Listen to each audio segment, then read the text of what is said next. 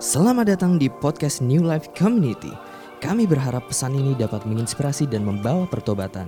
Kami berdoa Anda dapat merasakan Tuhan bekerja secara nyata dalam hidup Anda. Selamat mendengarkan.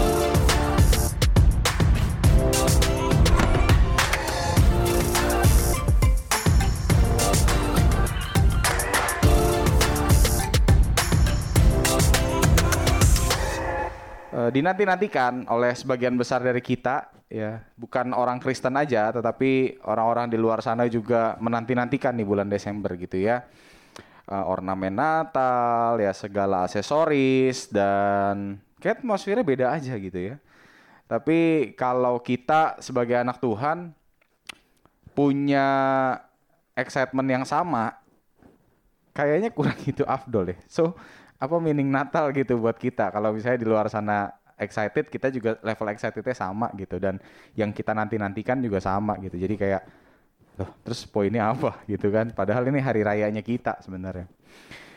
Oke, terlepas dari itu, thank you buat kesempatannya, buat teman-teman yang hadir pada hari ini, buat teman-teman yang online, eh, yang ada di Bandung, yang ada di mana pun teman-teman semua ya, eh, happy Sunday dan hari ini thank you buat eh, pengurus boleh mempercayakan kepada saya untuk membawakan materi yang eh, kita bakal akan bahas selama bulan ini ya, generosity generation, betul ya? Oke, sebelum kita mulai, kita mau buka dulu sama-sama dalam Lukas 6. Untuk membuka sesi hari ini kita akan sama-sama baca dari Lukas 6. Oke, sebelum sebelum kita baca boleh ya kita berdoa sekali lagi ya. Berdoa sekali lagi yuk, teman-teman yuk. Bapak kami mengucap syukur Tuhan untuk hari ini, hari yang Tuhan berikan kepada kami, di mana pemeliharaan Tuhan nyata atas hidup kami. Boleh ada hari ini dalam kondisi yang baik, dalam kondisi yang sempurna. Kami mengucap syukur untuk pemeliharaan Tuhan dalam kehidupan kami. Kalau sebentar kami ingin eh, mendengarkan firman Tuhan, kiranya firman-Mu ini boleh menjadi benih yang boleh berakar, bertumbuh dan berbuah lebat dalam kehidupan kami sehingga kehidupan kami boleh menjadi berkat bagi banyak orang dan nama Tuhan saja yang dipermuliakan. Tuhan urapi hambamu yang akan menyampaikan isi hati Tuhan pada hari ini Tuhan pakai kiranya boleh eh, perkataan Tuhan dan isi hati Tuhan yang keluar di tempat ini. Kami serahkan semuanya dan biarlah Roh Kudus beracara. Terima kasih ya Tuhan di dalam nama Tuhan Yesus Kristus kami berdoa dan ucap syukur. Amin. Oke, teman-teman, kita akan baca sama-sama dari Lukas 6 ayat 36. Ya, ini yang sering dibacakan tapi kita mau coba eh, telaah lebih dalam lagi nih coba ya. Lukas 6 ayat 36 kita baca sama-sama. 3 4. Hendaklah kamu murah hati sama seperti Bapamu adalah murah hati. Ya. Nah, kalau ngomongin soal kemurahan hati, saya kemarin pas baca ini saya timbul dua pertanyaan. Saya nggak tahu teman-teman mempertanyakan hal ini atau enggak. Ada dua pertanyaan di kepala saya. Pertanyaan yang pertama adalah begini. Kenapa kemurahan hati itu adalah eh, suatu hal yang alkitabiah yang perlu dibahas sebagai sebuah khotbah? Kenapa ini jadi hal yang alkitabiah? Pertanyaan yang kedua adalah begini, loh, bukannya kemurahan hati ini adalah prinsip dunia aja? Umum aja kok gitu loh. Ya betul nggak? Jadi orang kalau mau baik ya, ya dunia juga mengajarkan itu kan. Jadi orang tuh yang baik. Ya nggak ada yang anak-anak pas brocot diajarin namanya, eh lu jangan bebe amat jadi orang. Dari kecil diajarin kayak begitu. Kalau koko minta, jangan dikasih. Suruh koko cari sendiri. Kalau nggak sama, kalau dede minta, jangan dikasih. Suruh cari sendiri. Nggak ada yang diajarin begitu, betul? Semua diajarin tentang kemurahan hati. Mau orang percaya Tuhan, nggak percaya Tuhan, kemurahan hati diajarin, betul? Tapi kenapa hal ini menjadi sebuah hal yang kok kita bisa lihat dari sisi alkitabiahnya dan kok jadi beda dengan dunia, ya? Dari ayat eh, Lukas 6 ayat 36 tampilin sama-sama, tolong ditampilin. Kita lihat di sini, ya. Hendaklah kamu murah hati. Ini Yesus yang ngomong ya. Sama seperti Bapakmu adalah murah hati. Kedewasaan kekristenan kita bukan diukur dari berapa lama kamu jadi orang Kristen. Nggak diukur dari situ. Nggak diukur kamu udah melayani di mana aja. Nggak diukur dari situ. Nggak diukur kamu melayani jadi apa. nggak diukur dari situ juga. Tetapi kekristenan kita itu diukur dari seberapa kita berjuang dan seberapa kita berlomba-lomba untuk menjadi sempurna seperti Kristus. Berlomba dengan siapa? Bukan dengan orang lain tentunya. Dengan diri kita sendiri. Ya. Mengalahkan daging kita untuk menjadi semakin serupa dan segambar dengan Kristus.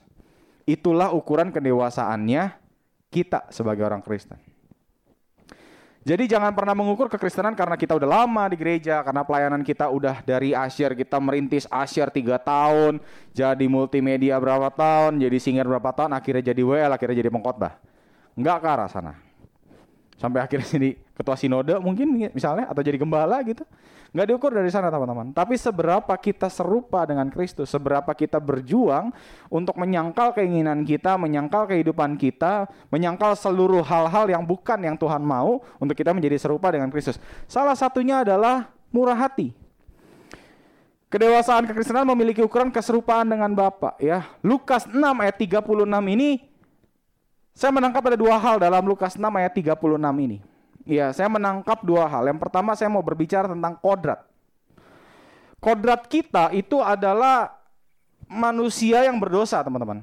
Manusia yang hina, yang penuh dengan dosa, yang sebenarnya nggak layak. Tapi dalam Efesus 2, boleh kita buka ya, Efesus 2 ayat 2, eh ayat 4 sorry, Efesus 2 ayat 4 sampai 6.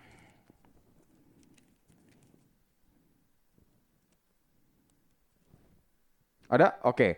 Tetapi Allah yang kaya dengan rahmat oleh karena kasihnya yang besar yang dilimpahkannya kepada kita telah menghidupkan kita bersama-sama dengan Kristus sekalipun kita telah mati oleh kesalahan-kesalahan kita oleh kasih karunia kamu diselamatkan dan di dalam Kristus Yesus ia telah membangkitkan kita juga dan memberikan tempat bersama-sama dengan dia di sorga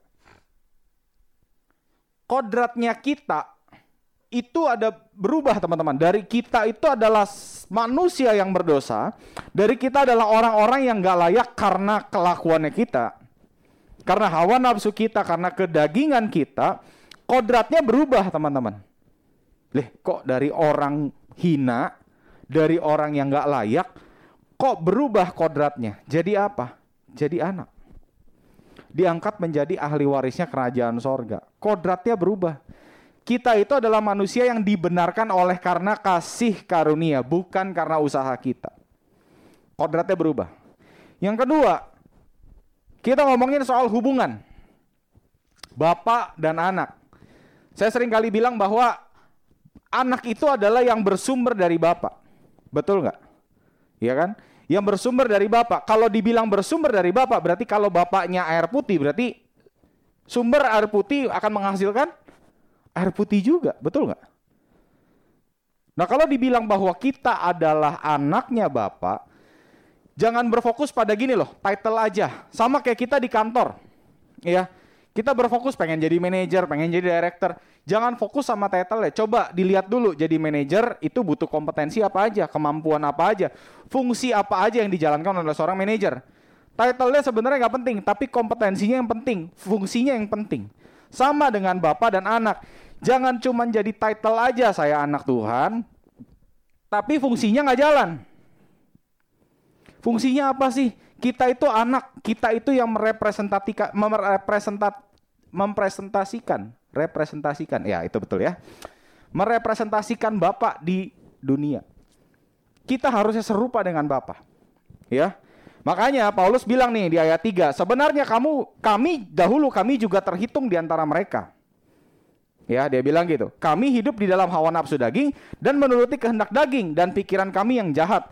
Pada dasarnya kami adalah orang-orang yang harus dimurkai sama seperti mereka yang lain. Ini di Efesus 2 ayat 3. Maka dibilang dulunya tuh kita juga berbuat dosa, sama gitu ya. Tetapi karena kasih karunia kita diselamatkan. Makanya ada ayat 10. Dibilang begini, karena kita ini yang sekarang buatan Allah diciptakan dalam Kristus Yesus untuk melakukan pekerjaan baik yang dipersiapkan Allah sebelumnya, ia mau supaya kita hidup di dalamnya.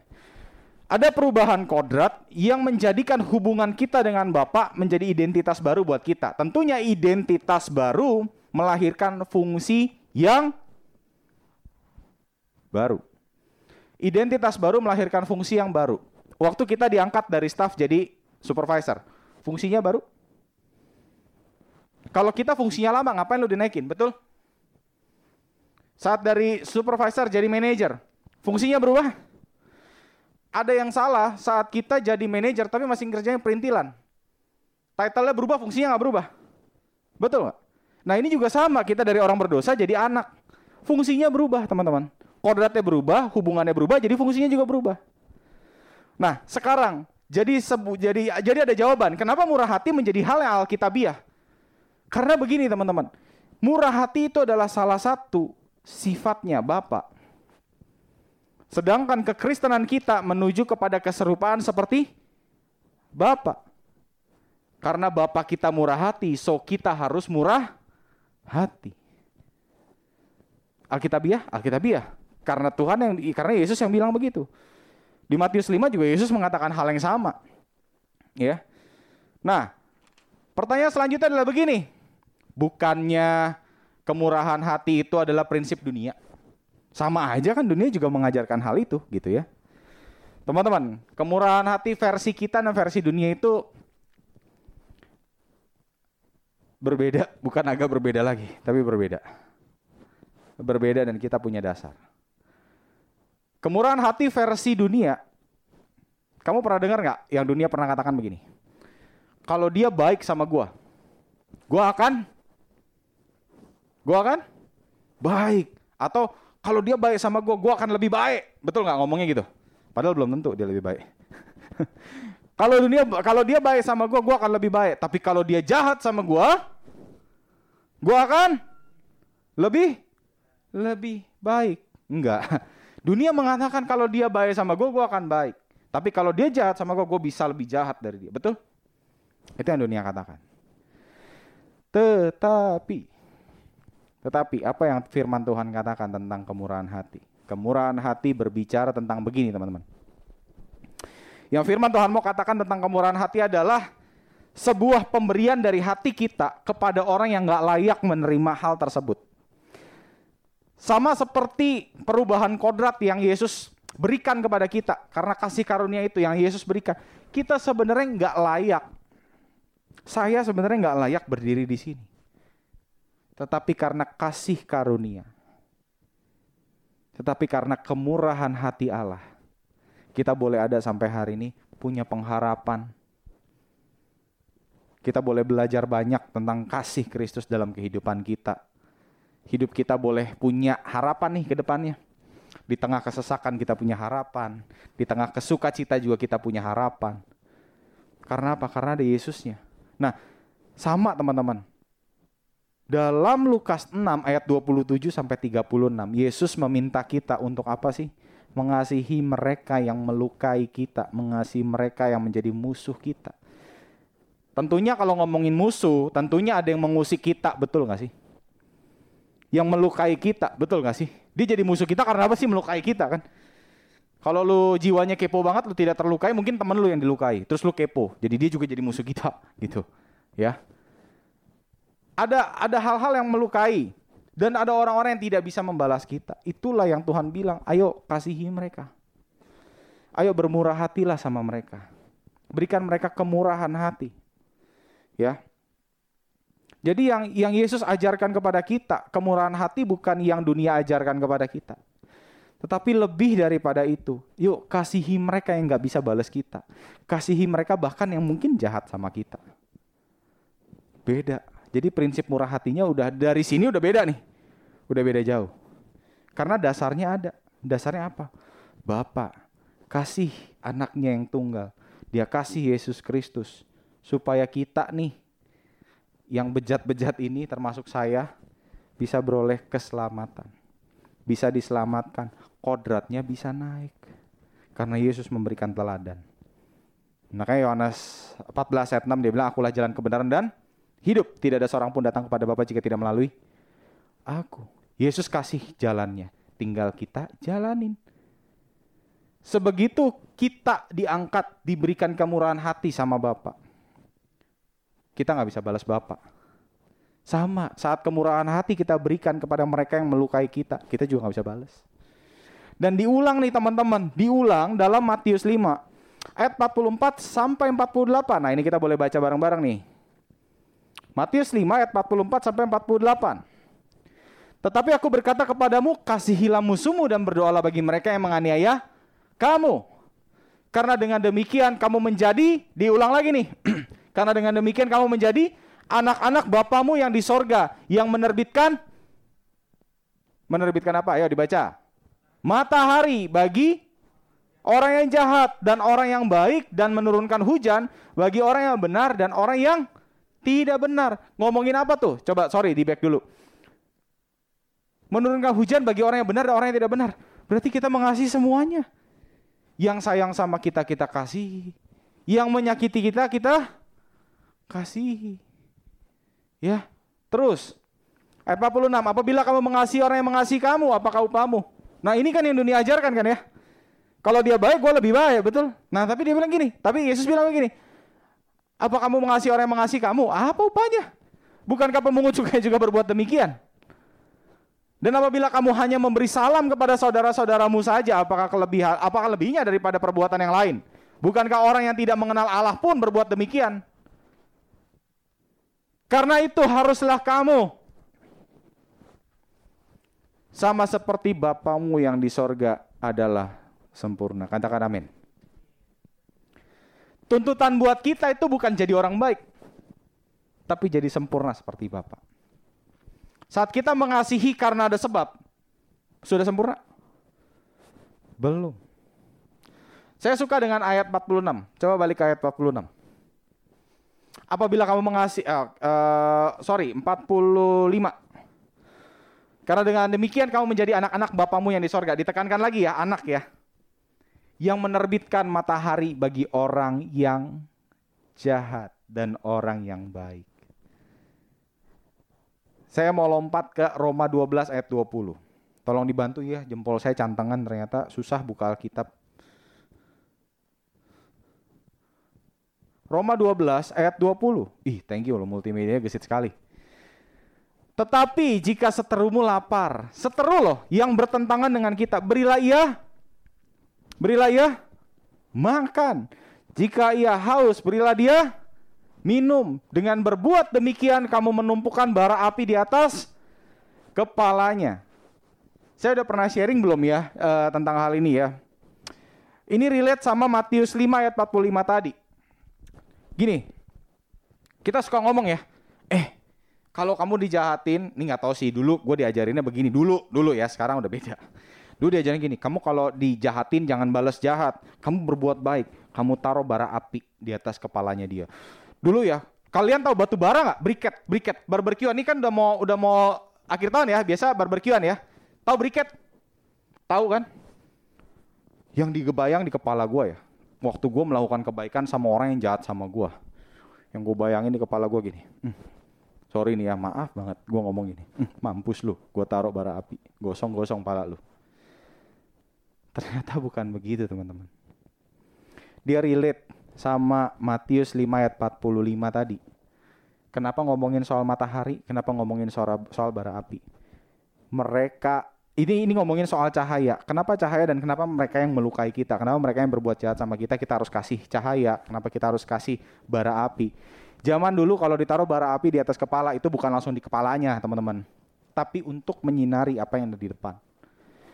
Mereka berbuat jahat karena mereka enggak tahu apa yang benar.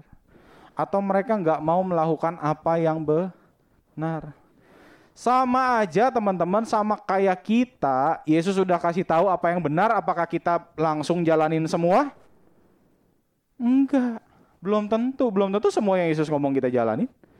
Makanya khotbah sering kali diulang-ulang terus kita duduk di bawah kita bilang gini, ah ini mah khotbah biasa-biasa aja udah, udah sering nih gue udah. Iya udah sering. Ngelakuinnya sering nggak? Ah ini mah udah udah udah umum banget nih. Gue udah denger, gue udah gue udah tau lah itu mas sering kali gue denger. Iya. Masalah kalau nggak dikotbahin, lu baca lagi nggak tuh ayat? Kalau nggak dikotbahin, lu inget lagi nggak? Lu jalanin nggak? Belum tentu lu jalanin. Karena yang gue tahu kalau orang yang ngejalanin saat di refresh dia akan recall. Oh iya nih gue inget.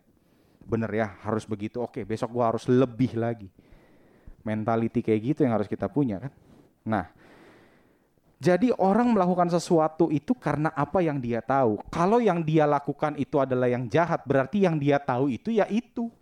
Dia nggak tahu apa yang benar. So kita dituntut untuk menjadi murah hati karena apa?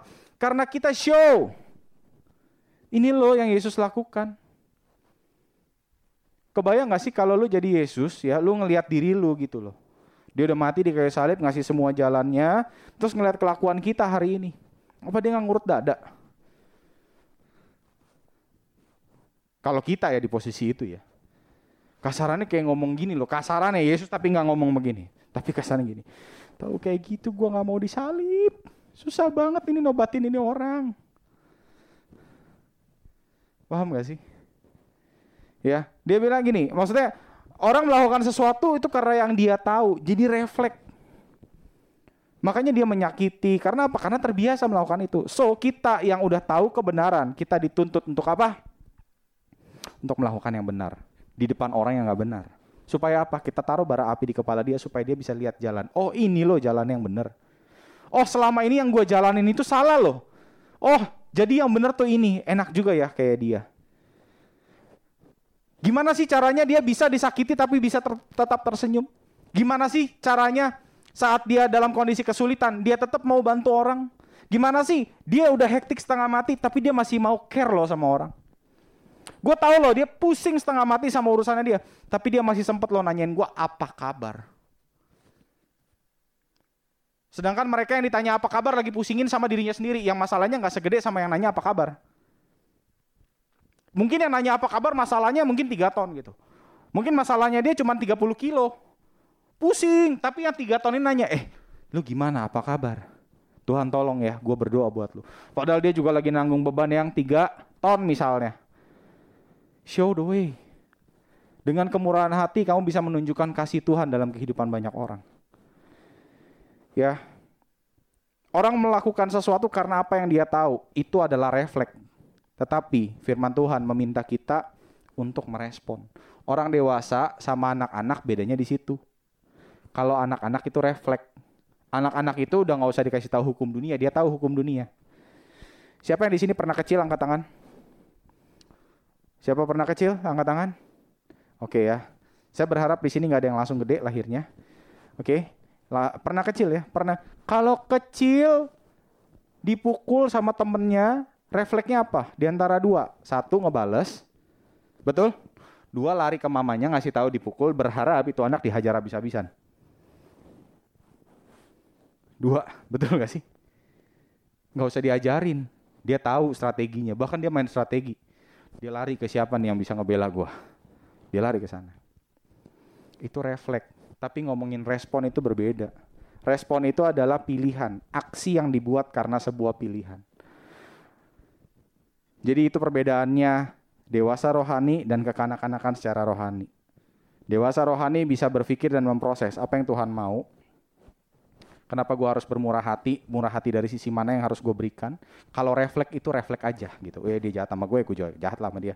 Dia bayar sama gue, gue juga bayar sama dia. Itu refleks teman-teman. Ya. Nah, respon itu berbicara tentang apa yang kamu terima hari ini jadi kebenaran di kepala kamu. Kalau refleks itu apa yang biasa ke dunia lakukan. Jadi hari ini aku aku berharap kalian bisa merespon dengan baik. Nah, inilah bedanya kemurahan hati kita dengan kemurahan hati dunia. Nah, bukan sebuah kebetulan kalau kamu baca, kalau kamu punya bawa Alkitab yang ini ya, bawa Alkitab yang buku, kamu bisa lihat di sini di dalam Lukas 6 ini ada perikop-perikop ya teman-teman. Ada judul-judulnya. Waktu itu kan kalau Lukas nulis Injil kayak begini, ini kan nggak nggak dibelah-belah ya waktu itu ya. Jadi dijadiin satu kesatuan. Uniknya teman-teman, saya baca ini ya dari saya nggak bacain semua maksudnya. Tapi dari Lukas 6 mulai dari ayat 27 sampai 49. Ada empat perikop yang dibagi. Ada ada pembagian empat perikop. Nggak kebetulan. Mulai dari ayat 27 sampai ayat ke-36. Yesus berbicara tentang mengasihi musuh kita. Tadi kita udah bahas panjang lebar tentang mengasihi musuh, betul? Perikop kedua hal menghakimi. Bukankah kita kalau kita kalau kita dijahatin sama orang, biasanya kita mulai menghakimi orang, betul nggak? Dia tuh jahat tuh, harusnya nggak begitu. Dia tuh harusnya begini. Emang tuh kupret juga tuh orang, nggak bisa tuh kayak gitu, nggak bisa didiemin, bla bla bla bla bla. Kita menjadi hakim. Kita nggak memberi kasih, kita nggak memberi teladan, tetapi kita memberi penghakiman dan label. Tentunya hal itu tidak mengubahkan dia, teman-teman. Tapi dengan kita membuat berbuat baik di depan dia, bukan penghakiman kan yang kita kasih. Kita memberikan dia apa? Teladan Kristus dalam kehidupannya dia supaya jalannya dia terang. Dia tahu ke mana dia harus melangkah. Dalam ayat 41 dan 42, ya, Yesus bilang begini, mengapa engkau melihat selumbar di dalam mata saudaramu sedangkan balok di matamu sendiri enggak engkau nggak tahu? Kita terlalu fokus sama orang yang menyakiti kita tanpa kita berpikir apa yang harus gue lakukan ya? Kita ngelihat nih Juan misalnya nyakitin gue, gue akan koreksi Juan habis-habisan. Yesus ngajarin bukannya kita koreksi yang nyakitin kita, kita koreksi kitanya dulu. Dia Yesus bilang begini, Bagaimana engkau dapat berkata kepada saudaramu, saudara, biar aku mengeluarkan selumbar yang ada di depan matamu, padahal balok yang di matamu sendiri engkau tidak lihat. Yesus bilang gini, hai orang munafik, keluarkanlah dahulu balok dari matamu, maka engkau akan melihat dengan jelas untuk mengeluarkan selumbar itu. Jadi yang Yesus mau tuh kitanya berubah dulu. Terus cara kita menarik selumbar dari mata saudara kita, bukannya dengan cara, eh lu harusnya nggak boleh begitu. Enggak. Show the way bagai tunjukin sama dia gimana kita keluarin balok di mata supaya dia lihat. Oh iya ya, gue mesti berubah juga ya. Oke, gue akan lakukan kebaikan sama lu. Oke, gue akan lakukan hal-hal yang baik. Gue tidak akan berubah. Allah adalah kah? Allah adalah kasih. Waktu kita berbuat jahat, Allah menunjukkan kasihnya. Dia tidak berubah. Sama dong berarti dengan kita saya sama Andre, Andreas. Kalau dia jahat, saya tetap baik. Karena karakternya saya adalah baik. Misalnya begitu. Saya jahat sama Andre, Andre tetap baik karena Andre karakternya baik sama dengan Tuhan. Nah, kalau kita menunjukkan karakternya Tuhan dalam kehidupan kita, berarti kita mau dijahatin, kita mau dibaikin, kita tetap baik. Dalam hal menghakimi, dilanjutin lagi sama Yesus nih, ya. Kasihilah musuhmu, terus jangan menghakimi, lu beresin dulu tuh diri lu, katanya. Yang ketiga nih, Yesus ngomong nih. Nih, nih belum terpisah pasal loh ya, masih di pasal 6. Pohon dan buahnya. Yesus bilang pohon dan buahnya, karena tidak ada pohon yang baik yang menghasilkan buah yang tidak baik. Dan juga tidak ada pohon yang tidak baik menghasilkan buah yang baik. Sebab setiap pohon dikenal pada buahnya. Karena dari semak duri orang tidak memetik buah ara dan dari duri-duri tidak memetik buah anggur. Kalau kita bersumber dari Bapa, berarti buah kehidupan kita seperti Bapa. Gak ada namanya pohon durian berbuah anggur itu tidak ada. Gak ada. Kalau kita bersumber dari Bapa, harusnya buah-buah kita adalah buah buah-buah roh, buah-buah kasih. Dan dalam Galatia 5 dibilang salah satu buah roh adalah kemurahan hati. Berarti kalau kita nggak murah hati, kalau kemurahan hati kita tergantung daripada situasi, berarti bukan buah roh yang ada di dalam kita. Kalau kemurahan hati kita masih tergantung, berarti bukan buah roh. Dan perikop yang terakhir yang Yesus katakan adalah apa? Ini saya pernah bawa materi di sini, dua macam dasar. Yesus bilang gini, ada yang cuma mendengarkan dan tidak melakukan tetapi ada yang mendengarkan dan melakukan. Dan Yesus bilang apa? Yesus bilang begini. Akan tetapi barang siapa mendengarkan perkataanku tetapi tidak oh, oh oke. Okay. Setiap orang yang datang kepadaku dan mendengarkan perkataanku serta melakukannya, aku akan menyatakan kepadamu dengan siapa orang ini dapat disamakan. Ya dia bilang, ia sama dengan seorang yang mendirikan rumah. Orang itu menggali dalam-dalam dan meletakkan dasar di atas batu. Ketika datang air bah dan banjir melanda rumah itu, rumah itu tidak dapat digoyahkan karena rumah itu kokoh dibangun. Jadi mau ada situasi apa pun dari luar, kita tetap baik karena kita mendengarkan dan melakukan apa yang Tuhan lakukan. Ini loh yang bukan kebetulan loh dalam dalam dalam dalam Lukas 6 ini ada runtutannya mengasihi musuh, jangan menghakimi. Tentunya kalau kita punya musuh kita suka yang pertama kali apa label kan bener kan? Dijahat loh sama gue. Itu kan label. Wah lu jangan urusan sama dia dah, dia jahat dah. Ya kan? Itu label. Terus kita harus menunjukkan buah dari kehidupan kita. Jadi sampai di sini apakah kemurahan hati kita dengan kemurahan hati dunia sama? Sama? Beda. Kemurahan hati kita bersumber dari Bapak, bukan dari diri kita, bukan dari dunia. Dan tentunya kemurahan hati kita itu jauh lebih ekstrim daripada yang dunia lakukan. Saya membagikan tiga hal tentang kemurahan hati. Yang pertama, kemurahan hati berbicara tentang sikap hati, bukan situasi. Kalau kita di dalam Tuhan, sikap hati itu bukan tentang situasi, tapi ke mana hati kita mengarah. Nah, dalam 2 Korintus 3 ayat 17, tolong dibantu 2 Korintus 3 ayat 17. Sebab Tuhan adalah roh, di mana ada roh arah, di situ ada kemerdekaan. Kalau kita melakukan kebaikan karena memang situasi yang mendukung, baru kita bisa melakukan kebaikan. Kalau kita bisa melakukan kemurahan hati karena banyak faktor, kita nggak merdeka teman-teman dalam melakukan kemurahan hati. Karena kita tergantung. Karena kita tergantung, kita nggak merdeka. Orang yang di penjara tuh gimana sih? Diatur kan, bener nggak? Jam makan diatur, jam tidur diatur, jam keluar diatur, jam olahraga diatur, semua diatur. Tetapi di sini Yesus bilang gini, eh sorry Paulus bilang begini dalam dalam surat di Korintus, sebab Tuhan adalah roh dan di mana ada roh Allah, di situ ada kemerdekaan.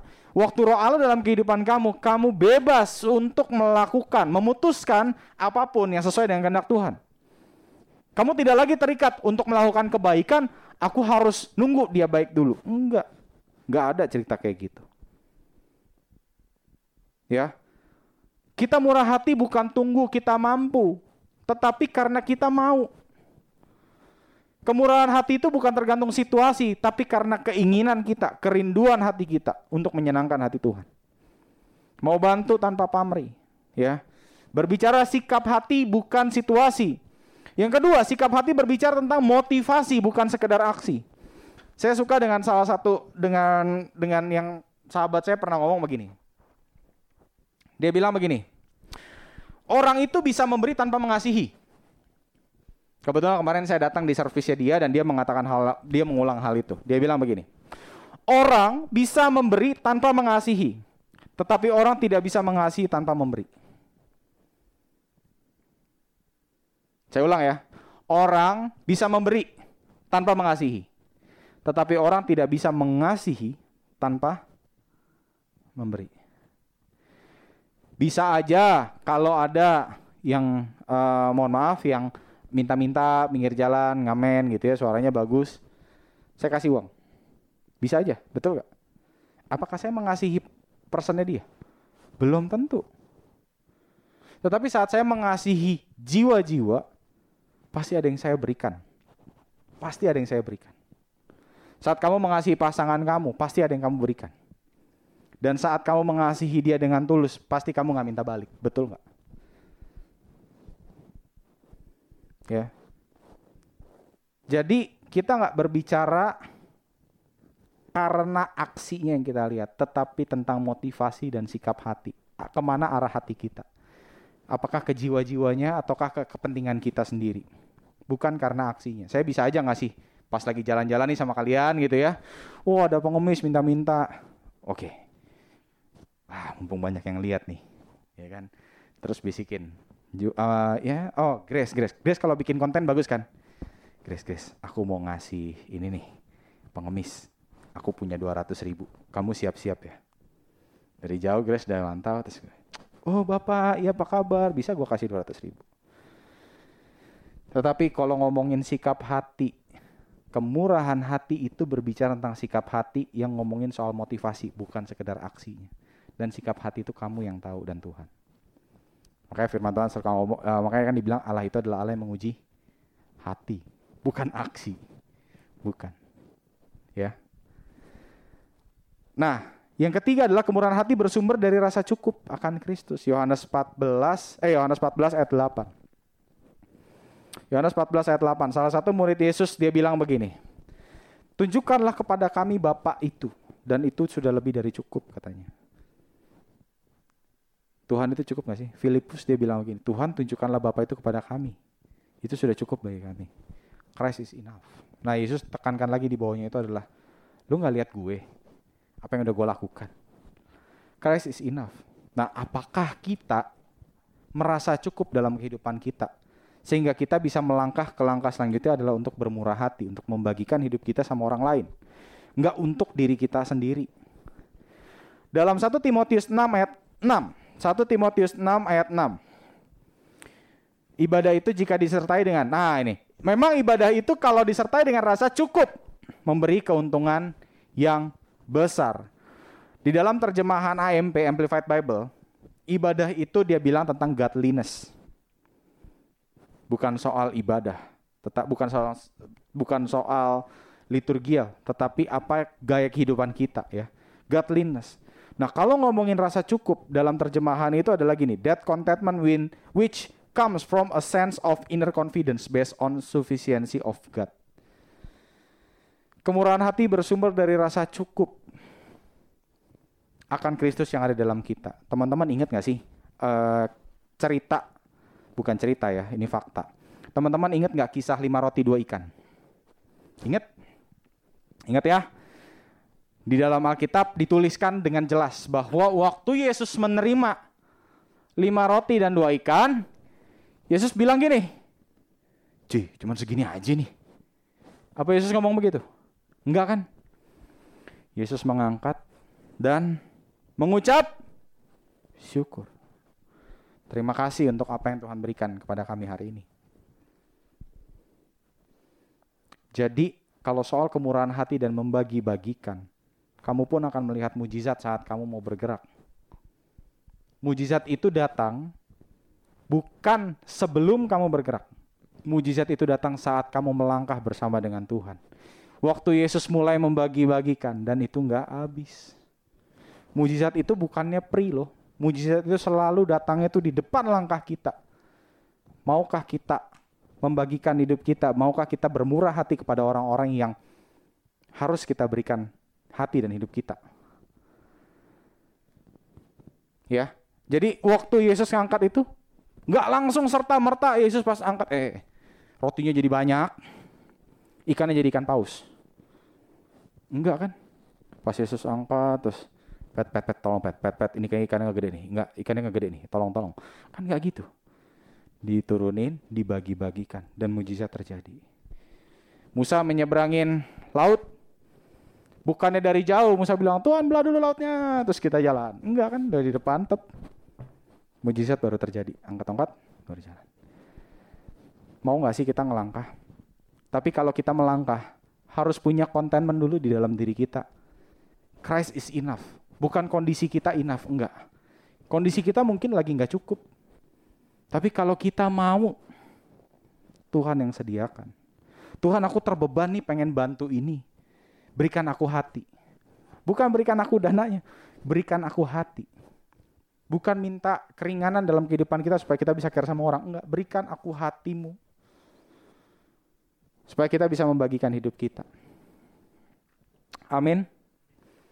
Jadi ingat ya, kemurahan hati bukan berbicara tentang situasi, sikap hati juga berbicara tentang motivasi, bukan tentang aksinya doang. Dan kemurahan hati bersumber dari rasa cukup.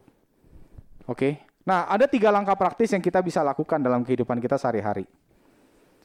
Tiga langkah praktis, ya. Yang pertama, berikan teman apa yang teman-teman punya untuk bangun hidup orang lain, untuk care sama orang lain. Apa sih yang teman-teman punya? Setiap orang punya hal yang sama, modal yang sama. Apa itu? Waktu.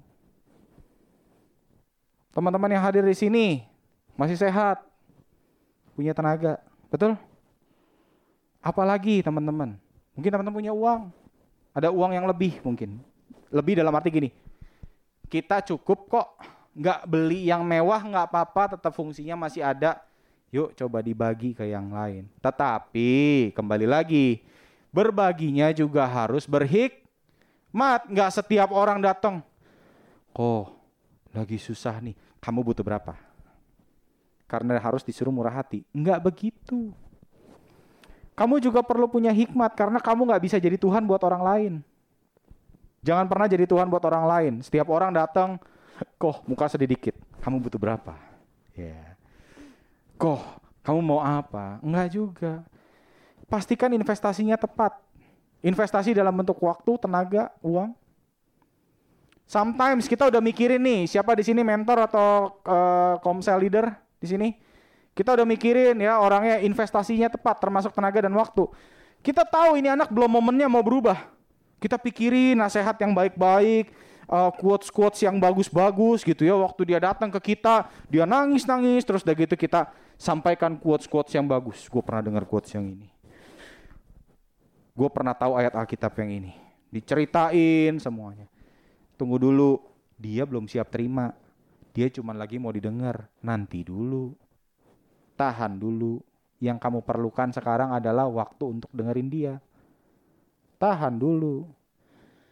Jadi dalam berinvestasi, dalam hal waktu, tenaga, pikiran, uang, dipikirin juga. Kita juga perlu punya hikmat. Di situlah kapasitas kita dikembangkan. Karena gini, prinsipnya dalam kita berjalan bersama Tuhan bukan berarti kita itu selalu memberikan buat orang, enggak melulu begitu. Karena pas kita memberikan kepada orang lain, something happen dalam kehidupan kita. Ada pelajaran-pelajaran baru yang terjadi dalam kehidupan kita. Nah, kalau kita memberikan terus kita get nothing, maksudnya kita tidak merasakan ada something yang berubah dalam kehidupan kita, itu juga ada yang salah loh. Dalam kita memberikan ada sukacita.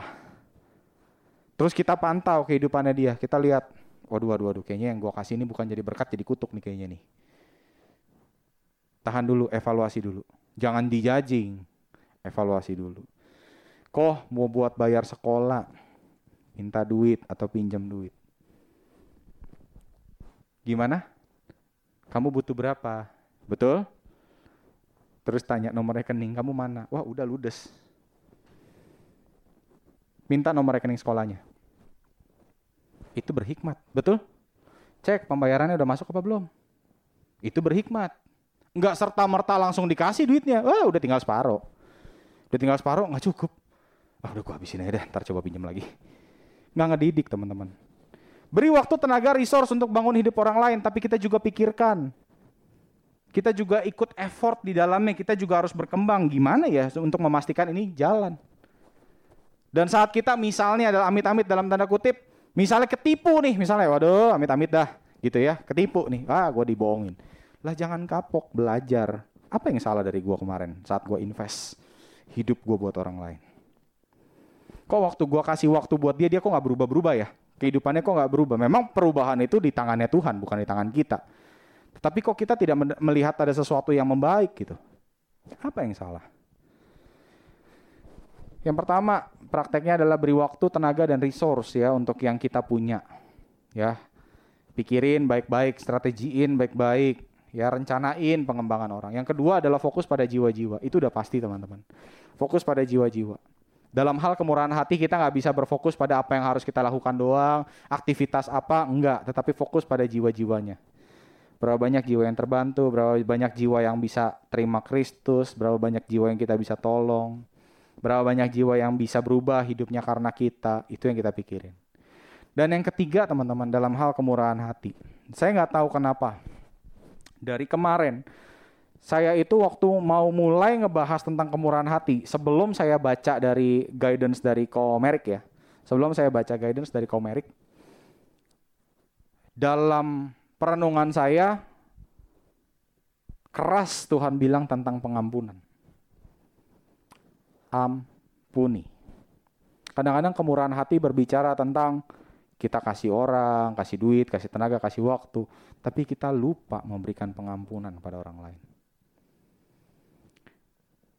Jangan merasa berhak dalam kehidupan kita. Kenapa saya bilang begitu?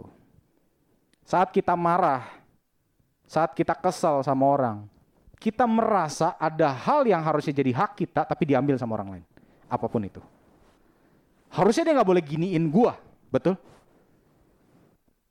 Rasa itu muncul karena kita merasa punya hak dalam kehidupan kita.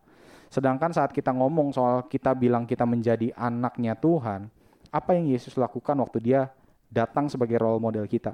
Dia menyerahkan hidupnya semua untuk kehendak Tuhan. Dia melakukan segala sesuatu yang Tuhan mau, bukan yang dia mau. Iya kan? Yang yang Yesus tunjukkan yang terakhir-terakhir itu kasarannya dalam bahasa anak-anak sekarang tuh bocor ya.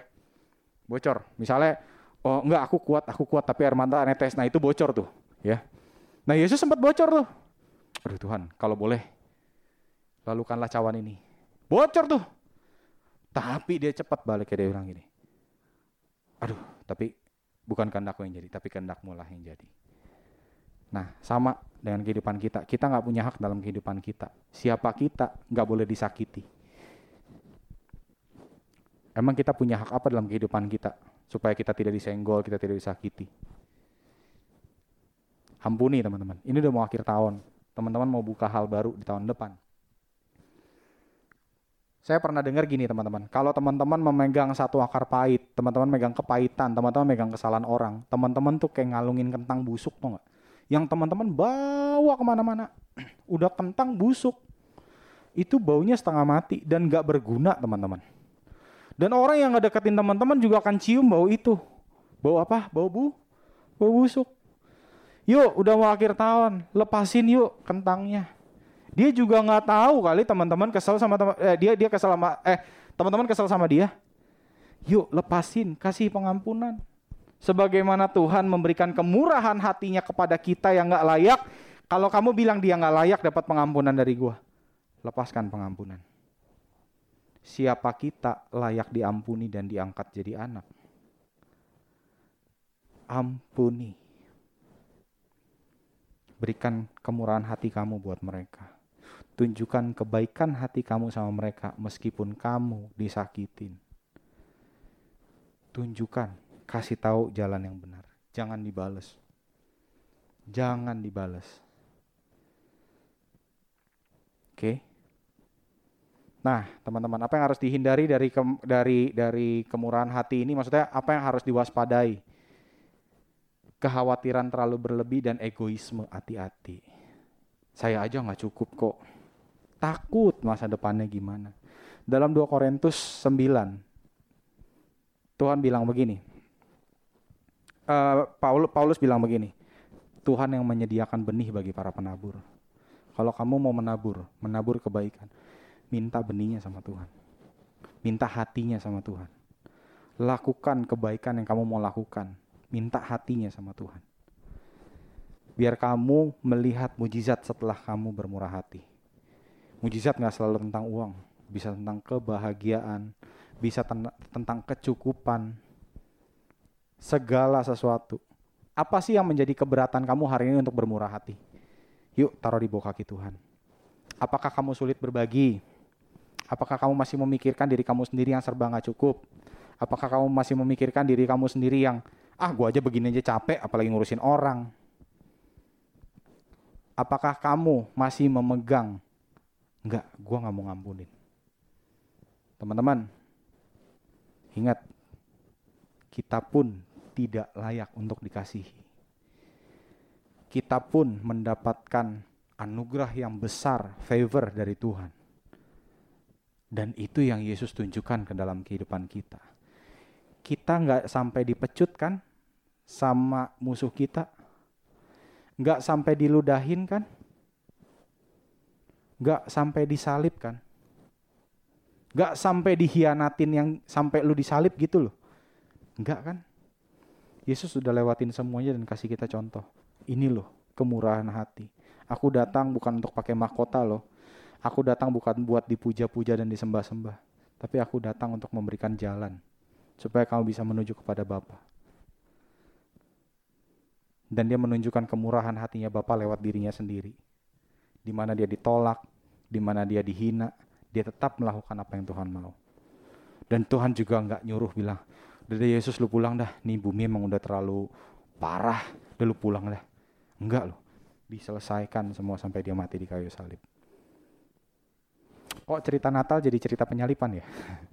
Tapi buat gua kekristenan itu bukan cerita tentang bagaimana Yesus hadir, tetapi kenapa Yesus hadir dan kenapa dan bagaimana dia mati buat kita. Bukan ternyata bukan tentang kapan dia lahir, kapan dia lahir nggak perlu diperdebatkan sebenarnya. Tapi untuk apa dia lahir dan untuk apa dia mati. Oke, gue berharap firman Tuhan ini bisa mengubahkan kita, bisa membuka mata kita bahwa kemurahan hati itu adalah tanggung jawab kita sebagai anak Tuhan. Kita murah hati bukan supaya jadi anak Tuhan, tetapi karena kita adalah anaknya Tuhan, so kita bermurah hati. Kalau kita belum bisa bermurah hati, koreksi lagi. Tuhan aku mau dong punya hati yang murah sama seperti engkau. Untuk kita bisa menjadi semakin serupa dan segambar dengan Kristus. Amin untuk firman Tuhan. Yuk kita sama-sama bangkit berdiri, kita berdoa. Terima kasih sudah mendengarkan podcast ini. Kami berdoa Anda diberkati melalui pesan yang telah disampaikan. Mari sapa kami melalui Instagram @newlifec dan bagikan pesan ini supaya lebih banyak orang yang diberkati.